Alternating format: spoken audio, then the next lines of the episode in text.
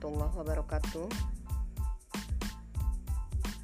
Berjumpa kembali dengan saya Iha Bunda Hansa. Bagaimana kabarnya sahabat muslimah? Semoga dalam keadaan sehat walafiat Dalam keadaan iman dan Islam Dan mendapatkan keberkahan dari Allah SWT Sahabat muslimah Kali ini saya akan menyampaikan masih seputar tentang amal yaitu kisah inspiratif ya berkaitan dengan salah satu sahabat Rasulullah SAW Muaz bin Jabal. Satu tulisan yang ditulis di Republika ya di mana mengisahkan tentang kisah sahabat Nabi yaitu Muaz bin Jabal tentang pelita ilmu dan amal. Sahabat muslimah, bagaimana kisah yang akan disampaikan dalam seputar amal ya, seputar ilmu dan amal. Di sini kisahnya tatkala Rasulullah mengambil baiat dari orang-orang Ansor. Jadi ketika Rasulullah mengambil baiat dari orang-orang Ansor, di mana hmm, pada saat perjanjian Akobah yang kedua, kita tahu bahwasanya di antara para utusan yang terdiri dari 70 orang itu terdapat seorang anak muda. Ya seorang anak muda itu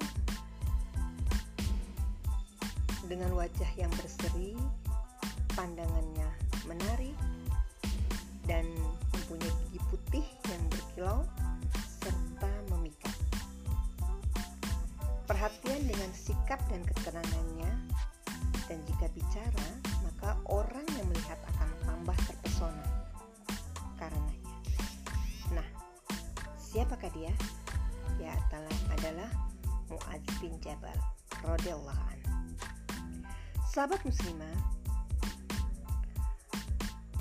dengan demikian ia adalah seorang tokoh dari kalangan Ansor yang ikut bayat pada perjanjian Akobah II hingga termasuk As-Sabiqul Awalun itu golongan hmm, orang-orang hmm, yang pertama kali masuk Islam dan orang yang lebih dulu masuk Islam dengan keimanan serta keyakinannya seperti demikian. Mustahil tidak akan turut bersama Rasulullah dalam setiap perjuangan. Demikian pula dengan Muaz. Tapi kelebihannya yang paling menonjol dan keistimewaannya yang utama ialah fikih atau keahliannya dalam soal hukum Keahliannya dalam fikih dan ilmu pengetahuan ini mencapai taraf yang menyebabkannya berhak menerima pujian dari Rasulullah SAW dengan sabdanya. Umatku yang paling tahu akan halal dan haram ialah Muaz bin Jabal. Dalam kecerdasan otak dan keberaniannya mengemukakan pendapat, Muaz hampir sama dengan Umar bin Khattab ketika Rasulullah Shallallahu Alaihi Wasallam hendak mengirimnya ke Yaman, lebih dulu ditanyainya, apa yang menjadi pedomannya dalam mengadili sesuatu? Hai Muaz, kitabullah. Jawab Muaz. Bagaimana jika kamu tidak jumpai dalam kitabullah? Tanya Rasulullah pula. Saya putuskan dengan sunnah Rasul jika tidak kamu temui dalam sunnah Rasulullah, saya pergunakan pikiranku untuk berijtihad dan saya takkan berlaku sia-sia. Jawab Mu'ad. Maka berseri-serilah wajah Rasulullah Segala puji bagi Allah yang telah memberikan taufik kepada utusan Rasulullah sebagai yang diridhoi oleh Rasulullah. Sabda beliau dan Mungkin kemampuan untuk beristihad dan keberanian menggunakan otak dan kecerdasan inilah yang menyebabkan Muaz berhasil mencapai kejayaan, mencapai kekayaan dalam ilmu fikih. Mengatasi teman dan saudara-saudaranya hingga dinyatakan oleh Rasulullah sebagai orang yang paling tahu tentang yang halal dan haram. Sahabat muslimah, Suatu hari pada masa pemerintahan Khalifah Umar, Aizullah bin Abdillah masuk masjid bersama beberapa orang sahabat. Maka ia pun duduk pada suatu majelis yang dihadiri oleh 30 orang lebih. Masing-masing menyebutkan sebuah hadis yang mereka terima dari Rasulullah SAW. Pada halakoh atau lingkaran itu ada seorang anak muda yang amat tampan, hitam manis, warna kulitnya bersih, baik tutur katanya, dan termuda usianya di antara mereka.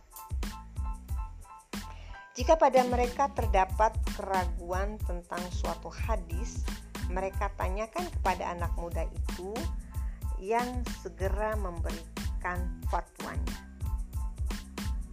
ia tak percaya kecuali bila diminta. Dan tatkala majelis itu berakhir, saya dekati anak muda itu dan saya tanyakan siapa namanya. Ia menjawab, saya adalah Muaz bin Jabal. Tutur Aizullah. Syahar bin Hushab tidak ketinggalan memberikan ulasan, katanya. Bila para sahabat berbicara, sedang di antara mereka hadir Muaz bin Jabal, tentulah mereka akan sama-sama meminta pendapatnya karena kewibawaannya. Dan Amirul Mukminin Umar bin Khattab radhiyallahu sendiri sering meminta pendapat dan buah pikirannya, bahkan dalam salah satu peristiwa di mana ia memanfaatkan pendapat dan keahliannya dalam hukum. Umar pernah berkata, "Kalau tidaklah berkat Muaz bin Jabal, akan celakalah Umar." Sahabat muslimah, bagaimanakah sosok Muaz bin Jabal? Ia seorang pendiam, tak pernah bicara kecuali atas permintaan hadirin. Dan jika mereka berbeda pendapat dalam suatu hal, mereka pulangkan kepada Muaz untuk memutuskannya. Maka, jika ia telah Buka suara adalah ia sebagaimana dilukiskan oleh salah seorang yang mengenalnya. Seolah-olah dari mulutnya keluar cahaya dan mutiara. Masya Allah. Dan kedudukan yang tinggi di bidang pengetahuan ini serta penghormatan kaum muslimin kepadanya baik selagi Rasulullah masih hidup maupun setelah beliau wafat capai Mu'ad sewaktu ia masih muda. Ia meninggal dunia di masa pemerintahan Umar tatkala usianya belum 33 tahun. Sahabat muslimah, Mu'adz adalah seorang yang murah, seorang yang murah tangan, lapang hati dan tinggi budi tidak sesuatu pun yang diminta kepadanya kecuali akan diberinya secara berlimpah dan dengan hati yang ikhlas. Sungguh, kemurahan Muaz telah menghabiskan semua hartanya. Ketika Rasulullah SAW wafat, Muaz masih berada di Yaman yakni semenjak ia dikirim Nabi ke sana untuk membimbing kaum muslimin dan mengajari mereka tentang seluk-beluk agama. Di masa pemerintahan Abu Bakar, Muaz kembali ke Yaman. Umar tahu bahwa Muaz telah menjadi seorang yang kaya raya. Maka ia mengusulkan kepada Khalifah Abu Bakar agar kekayaan Muaz itu dibagi dua tanpa menunggu jawaban Abu Bakar, Umar segera pergi ke rumah Muaz dan mengemukakan masalah tersebut. Lalu bagaimana sikap Muaz? Sahabat muslimah, Muaz adalah seorang yang bersih tangan dan suci hati. Dan seandainya sekarang ia telah menjadi kaya raya, maka kekayaan itu diperolehnya secara halal tidak pernah diperolehnya dengan berbuat dosa bahkan tak pernah tak hendak menerima barang yang subhan oleh sebab itu usul Umar ditolaknya dan alasan yang dikemukakannya dipatahkannya dengan alasan pula Umar berpaling meninggalkannya Pagi-pagi keesokan harinya Muaz pergi ke rumah Umar. Ketika sampai di sana, Muaz merangkul dan memeluk Umar, sementara air mata mengalir mendahului kata-katanya. Malam tadi saya bermimpi masuk kolam yang penuh dengan air. Hingga saya cemas akan tenggelam. Untunglah Anda datang, hai Umar, dan menyelamatkan saya. Kemudian bersama-sama mereka datang kepada Abu Bakar dan Muaz meminta kepada Khalifah untuk mengambil seperdua hartanya. Tidak satu pun yang akan kuambil darimu, ujar. Sekarang harta itu telah halal dan jadi harta yang baik, kata Umar. Menghadapkan pembicaraannya kepada Muaz. Andai diketahuinya bahwa Muaz memperoleh harta itu dari jalan yang tidak sah, maka tidak satu dirham pun Abu Bakar yang saleh itu akan menyisihkan baginya. Namun Umar tidak pula berbuat salah dengan melemparkan tuduhan atau menaruh dugaan yang bukan-bukan terhadap Muaz. Hanya saja pada masa itu adalah masa gemilang penuh dengan tokoh-tokoh utama yang berpacu mencapai puncak keutamaan. Di antara mereka ada yang berjalan secara santai, tak ubah bagi burung yang terbang berputar-putar, ada yang berlari cepat, dan ada pula yang berlari lambat. Namun semua berada dalam kafilah yang sama menuju kepada kebaikan. Sahabat muslimah, lalu Muaz pindah ke Syria atau Suriah di mana ia tinggal bersama penduduk dan orang yang berkunjung ke sana sebagai guru dan ahli hukum.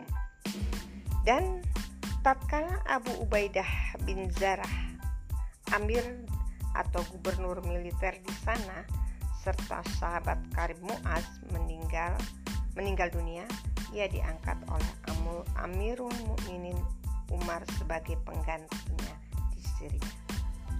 Tetapi hanya beberapa bulan saja ia memegang jabatan, Muaz dipanggil Allah untuk menghadapnya dalam keadaan tunduk dan menyerahkan diri. Pada suatu hari, Rasulullah SAW bersabda, Hai Muaz, demi Allah, aku sungguh sayang kepadamu.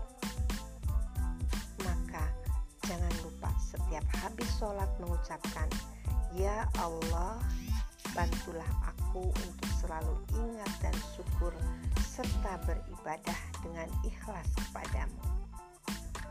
Muaz mengerti dan memahami ajaran tersebut dan telah menerapkannya secara tepat. Pada suatu pagi, Rasulullah bertemu dengan Muaz. Maka beliau bertanya, "Bagaimana keadaanmu di pagi hari ini, hai Muaz?" pagi hari ini aku benar-benar telah beriman ya Rasulullah Jawabnya Setiap kebenaran ada hakikatnya Kata Nabi Maka apa, apakah hakikat keimananmu? Setiap berada di pagi hari Aku menyangka tidak akan menemui lagi waktu sore Dan setiap berada di waktu sore Aku menyangka tidak akan mencapai lagi waktu pagi dan tiada satu langkah pun yang kulangkahkan kecuali aku menyangka tiada akan diiringi dengan langkah lainnya. Dan seolah-olah kesaksian setiap umat jatuh berlutut dipanggil melihat buku catatannya. Dan seolah-olah kusaksikan penduduk surga menikmati kesenangan surga sedang penduduk neraka menderita siksa dalam neraka.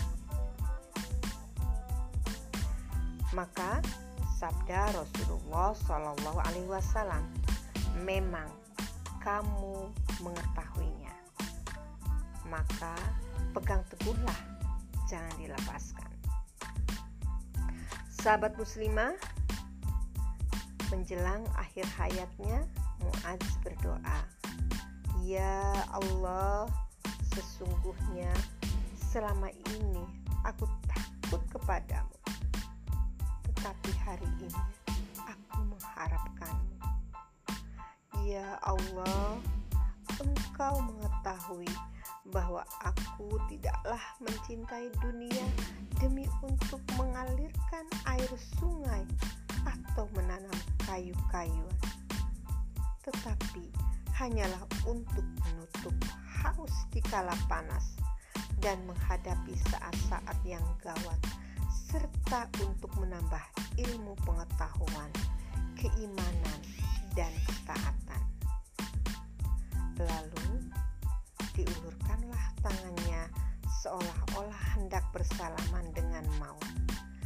Dan dalam ke keadaan dalam keberangkatannya ke alam goib, ia masih sempat berujar, Selamat datang wahai maut, kekasih tiba di saat diperlukan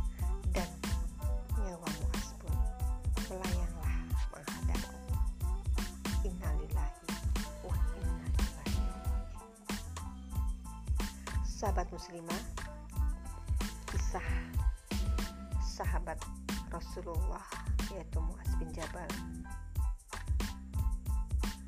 begitu banyak memberikan inspirasi buat kita untuk lebih lagi berbuat dan beramal yang soleh. Kita bermohon kepada Allah agar senantiasa amalan kita diterima oleh Allah Subhanahu wa taala. Sahabat muslimah, semoga bermanfaat. Sampai jumpa dalam kesempatan yang akan datang. Assalamualaikum warahmatullahi wabarakatuh.